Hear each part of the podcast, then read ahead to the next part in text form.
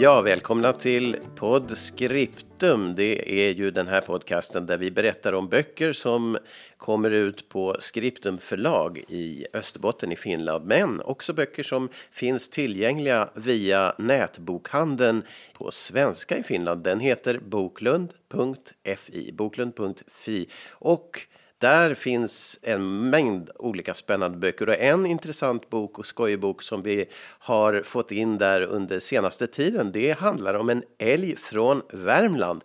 Det är en barn och ungdomsbok som eh, Anita Forsnäsgård har skrivit och du är med oss nu. Välkommen! Tack så mycket! Tack. Berätta om den här boken. vad, är, vad är det nu är för en festlig historia då? Ja, den heter eh, Elving Älgs värsta dag och Eh, handlar om en stor vit älgtjur som har det väldigt bra men eh, helt plötsligt blir allt väldigt trassligt för honom.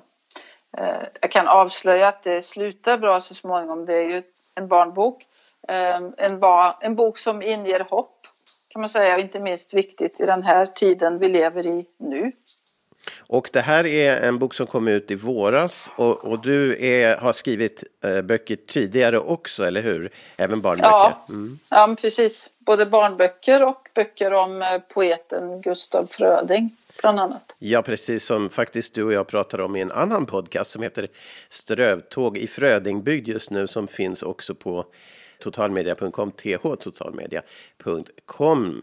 Eh, en älg som får det trassligt och var kom den historien från? Inledningsvis så läste jag en eh, artikel i en lokaltidning för länge sedan, det är säkert tio år sedan, som handlade om en en eh, lantbrukare som hittade ett stängselsnöre på marken och det tog han upp och band i sin traktor för han tänkte att ja, men det kan ju inte ligga här och skräpa och så skulle han ta med det hem och när han började köra så upptäckte han till sin stora förvåning att en motvillig älgtjur drogs ut från en skogsglänta. Alltså han satt, det här snö, eller stängselsnöret satt fast i hans horn helt enkelt. Mm. Um, och, och, det är klart att, att den här lantbrukaren blev väldigt förvånad men man kan ju föreställa sig hur förvånad älgtjuren blev, tänker ja. jag. men och, vi vet inget mer om vad som hände med älgen sen? Och... Ja, till slut kom han loss. Ja, just det. Mm. Uh, kanske till och med att lantbrukaren gick ut, skar loss snöret från, med en kniv om jag inte missminner mig. Just det. Betraktorn. Ja. Men, men det där blev, det där satte sig fast. Det var liksom en bild helt enkelt som fastnade i mitt huvud på hur den här älgtjuren kom ut ur skogsbrynet. Och sen, alltså många år senare så satt, började jag skriva på den här berättelsen, liksom, hur, hur hände det här egentligen? Det var på något vis min utgångspunkt. Hur blev det så där? Ja. Eh, så då börjar boken med att, att eh, älgen eh, vaknar efter sin middagslur och strövar runt i skogen och så blir det som sagt väldigt trassligt för honom. Den här älgtjuren som den där som fanns i den ursprungliga riktiga historien, han var grå. Men eh, Jaha. den här tjuren i boken är vit och det är för att jag kommer från en gård på landet och där kommer en vit älgtjur varje år vid i högsommartid och strövar runt innan han försvinner igen när det är älgjakt. Så att nu är han nog borta för nu är det älgjakt i Sverige. Jaha, han är, verkar vara både vit och smart. Exakt. Men eh, det där med vit älg, det, det, tror jag man känner till även här i Finland att det finns en koppling till Värmland. Så det är ju väldigt passande som en symbol just för Värmland också kanske. För Absolut. det har man ju hört om. Det finns där. Precis. Men har du sett den eh, vita älgen hos er? Ja, många gånger. Alltså. Absolut. Eh, mm. när, min, när min pappa fyllde 90 år och det var middag så faktiskt på efter, sen eftermiddag då, då var det någon som tittade ut ur fönstret eh, i stora rummet och då stod älgtjuren på gräsmattan och åt äpplen. Um, så det var så här väldigt symboliskt faktiskt att han och då dök han upp på eftermiddagen. Det, är väldigt, det, det tror jag inte har hänt förut faktiskt. Så det var en sån här uh, faktiskt uh, väldigt stämningsmättat besök han gjorde då. Oj, fantastiskt. Ja. En omtänksam älg också, eller ja, hyllandes. Ja. Vad har du fått för reaktioner på boken då? För det är några månader som den har eh, eh varit ute då i, i handeln så att säga. Och så här, Precis. Så. Vi släppte, jag släppte den i eh, maj i år. Just det. Eh, och vi, det har blivit väldigt bra recensioner, vilket är väldigt roligt. Eh, en höjdare har den blivit omnämnd som. Eh, mm. Och att det är en riktig Värmlandshistoria. Eller, eller skröna, eller vad man ska säga. Att, att det är, och det är väldigt, väldigt roligt.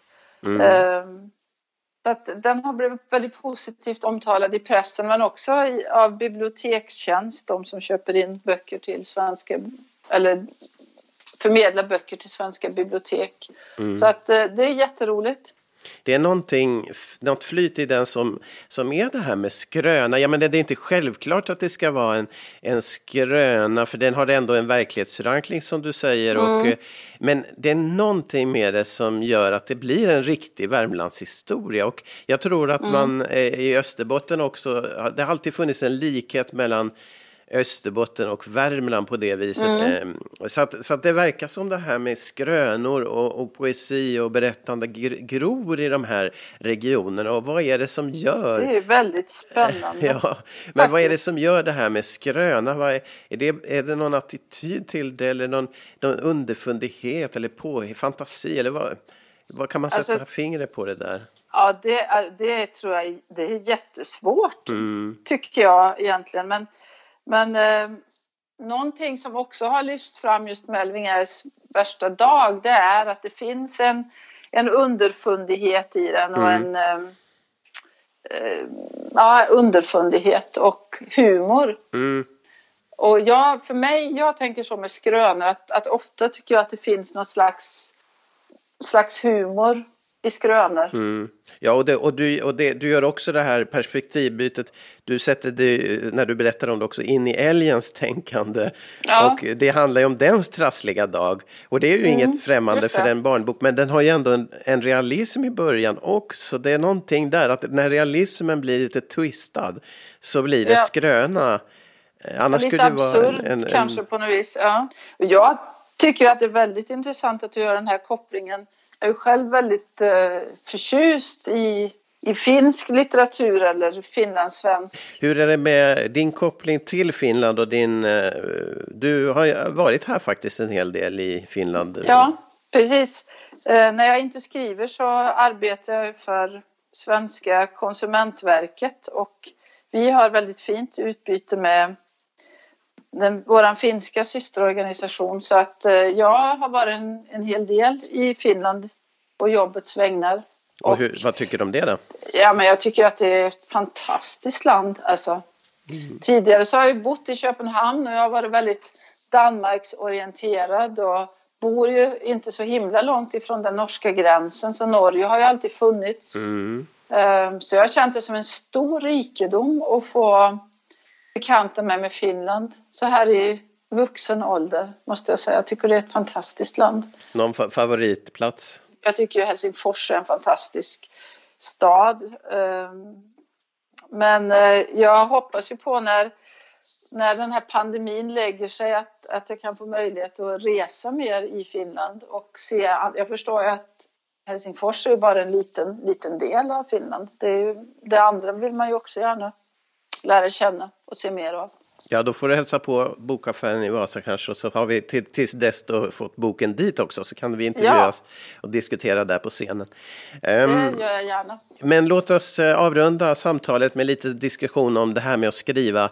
Om man säger bara det här med att skriva för barn och unga, är det är det någonting speciellt eller är det ingen skillnad? Eller hur, hur tänker du kring det? Jo, men det är ju speciellt på det sättet att Alltså för ibland hör man ju folk säga lite slarvigt att ja, men gud, en barnbok det tror jag också ska skriva eller något sånt där. Det, ja. det, det, för, och det, de är ju inte så långa kan man höra och man tänker bara nej, just precis det är de inte. Ofta är ju kort, texten eh, väldigt komprimerad eller väldigt eh, till synes enkel.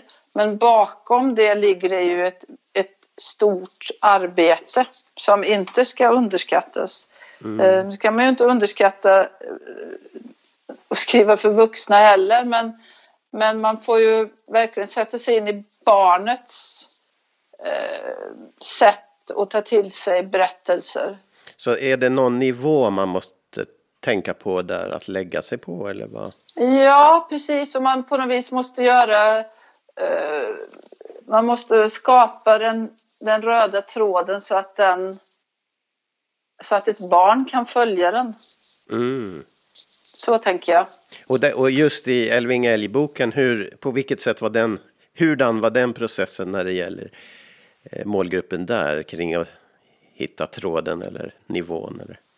Mm, det är ju, alltså, den typen av processer är ju väldigt svåra att beskriva, Ja. tycker jag. Ehm, Men det är inte så att du är där och kalibrerar eftersom ah, nu, du lägger ut, kom, det, är liksom medvetet att du, nej nu måste jag nog lite så och så för att komma på jo, rätt. jag, liksom, jag tänker ju mycket med ordval, Just till det. exempel. Mm. Vad, vad kan både tilltala och vara förståeligt för ett barn? Vilka, vilka ord blir- är bra eh, för historien i förhållande till barn här? Just det. Ehm, Är det svårt? Nej, alltså jag måste säga att jag tycker att det där med att vara barn eh, finns så levande i mig från när jag själv var barn och sådär. Så att det, Mm. nej egentligen inte. Men, men det är ju förstås väldigt tidskrävande. Ja, precis. Om man ja. tänker i förhållande till vad det slutligen blir av text liksom. Att det, Mm. det ligger väldigt mycket, mycket tid och process i det. Ja, Men väldigt roligt tycker jag också och fundera och liksom eh, eh, komprimera och tänka och hur blir det här och Mm. jag tänker ju också, alltså den här som ju är en bilderbok som passar 3 till 6-åringar ungefär tänker man ju också att, att det då finns en vuxen som läser den högt förmodligen. Mm. Och det är också någonting som, som har blivit fram, som man har framhållit så att den, den passar väldigt bra till högläsning. Ehm, att vi ska säga komiken och så vidare kommer fram. Genom väldigt- att det är en vuxens mun eller röst. Mm, ja men precis, och som läser högt och sådär. Mm. Ehm, och jag tänker, jag läste väldigt mycket för mina barn och, och man vill ju gärna att när man själv skriver att det ska vara eh, en barnbok som också kan appellera till de vuxna att läsa. Alltså Mm. att eh, oftast, det ska ju gärna, den ska ju funka på alla nivåer men vara var gjord för barn Ja. tänker jag. Ja. Och sen när man pratar barnbok så med bilder som Elving L som sagt en bilderbok och där är det ju då en konstnär som heter Solveig Rudström Svensson, en etablerad konstnär som har gjort illustrationerna och gjort dem jättefina och det är ju ett, det är ju, det är ju liksom det är ju samspelet mellan texten och bilderna som blir det riktigt spännande i bilderböcker. Alltså, för de kompletterar ju varandra. Men fick du ha bilderna då innan du faktiskt kunde skriva ordentligt? eh, Nej, nej, nej. Jag hade skrivit, jag hade skrivit manus. Mhm. Just Ehm, och sen så läste, läste konstnären det och gick igång på det. Och så började hon eh, göra skisser och så började vi våran diskussion tillsammans. Och det är ju, det är ju jätte, det är en spännande del i processen. Just det. och låta det växa fram på det sättet. Sen har vi ju också en, eh, en väldigt duktig formgivare, Anita Stjärnlöv Lund, som har skapat den här helheten väldigt fint. Det här med, som många eh, författare då, blivande författare som vi har kurser nu för dem och eh, vi, vi diskuterar ju ganska mycket det här att komma igång och att få det gjort och själv tycker jag det där är väldigt svårt också. Så hur gör du? Hur, hur kommer du igång och hur, hur jobbar du med skrivandet? Har du något knep eller är det bara av sig självt eller hur går det till? Absolut inte av sig själv skulle jag vilja säga. Nej. Eh, eh, Eh, det finns en amerikansk författarinna som heter Anne Lamotte. Och hon beskriver vid något tillfälle hur eh, hennes lillebror inte kan eh, sätta sig och skriva någon uppsats om fåglar som han ska ha gjort till, sin, ett skolarbete. Och hennes pappa som är författare sätter sig då med honom och säger att eh, du tar en fågel i taget. Och hon hon brukar exemplifiera skrivprocessen just med det och säga att det är så man måste jobba. Mm. Att man tar det bird by bird, fågel efter fågel. Det finns ingen annan väg och sen kan man ju liksom om man skriver, jag skriver på en roman till exempel, ja men då där har jag ju liksom jobbat i förväg så jag vet ju ungefär vad det är jag vill ska hända. Man kan ju, man kan ju på det sättet uh, göra ett förarbete. Mm. Men när det gäller att sätta och få det skrivet så finns det ju ingen annan utväg än att sätta sig och ta det steg för steg. Men då för att få det där till, har du schema, har du piska, har du liksom något tvång på dig eller blir det bara hur får du den där praktiskt disciplinen fram då? Ja, men jag, jag bestämmer ja, men att jag ska skriva och då skriver jag. Ja. Och, eh, men är det viss tid eller visst antal sidor eller hur? Ja, precis. Jag brukar bestämma hur många tecken jag ska ha gjort den dagen just eller den det. kvällen. Ja, just det. Och så håller jag på tills jag har gjort det. Men är det varje dag eller? Hur? Nej, alltså det, det orkar inte jag riktigt faktiskt eftersom mm. jag jobbar heltid. Ja, just det. Eh, jag eh, skriver på helger och jag lägger också in så att jag går in och jobbar lite med manus kvällstid. Inte alla kvällar, men vissa. Just det.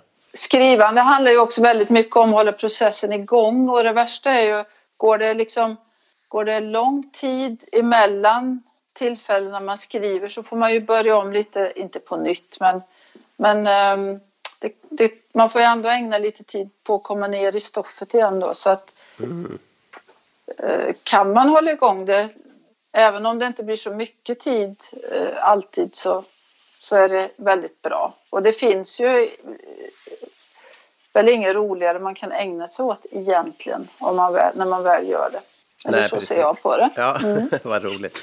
Men Anita Forsnäsgård, tusen tack för att du var med. Din bok, alltså eh, Elving Älgs värsta dag, finns på boklund.fi att beställa. Och där kan du också eh, läsa mer om den.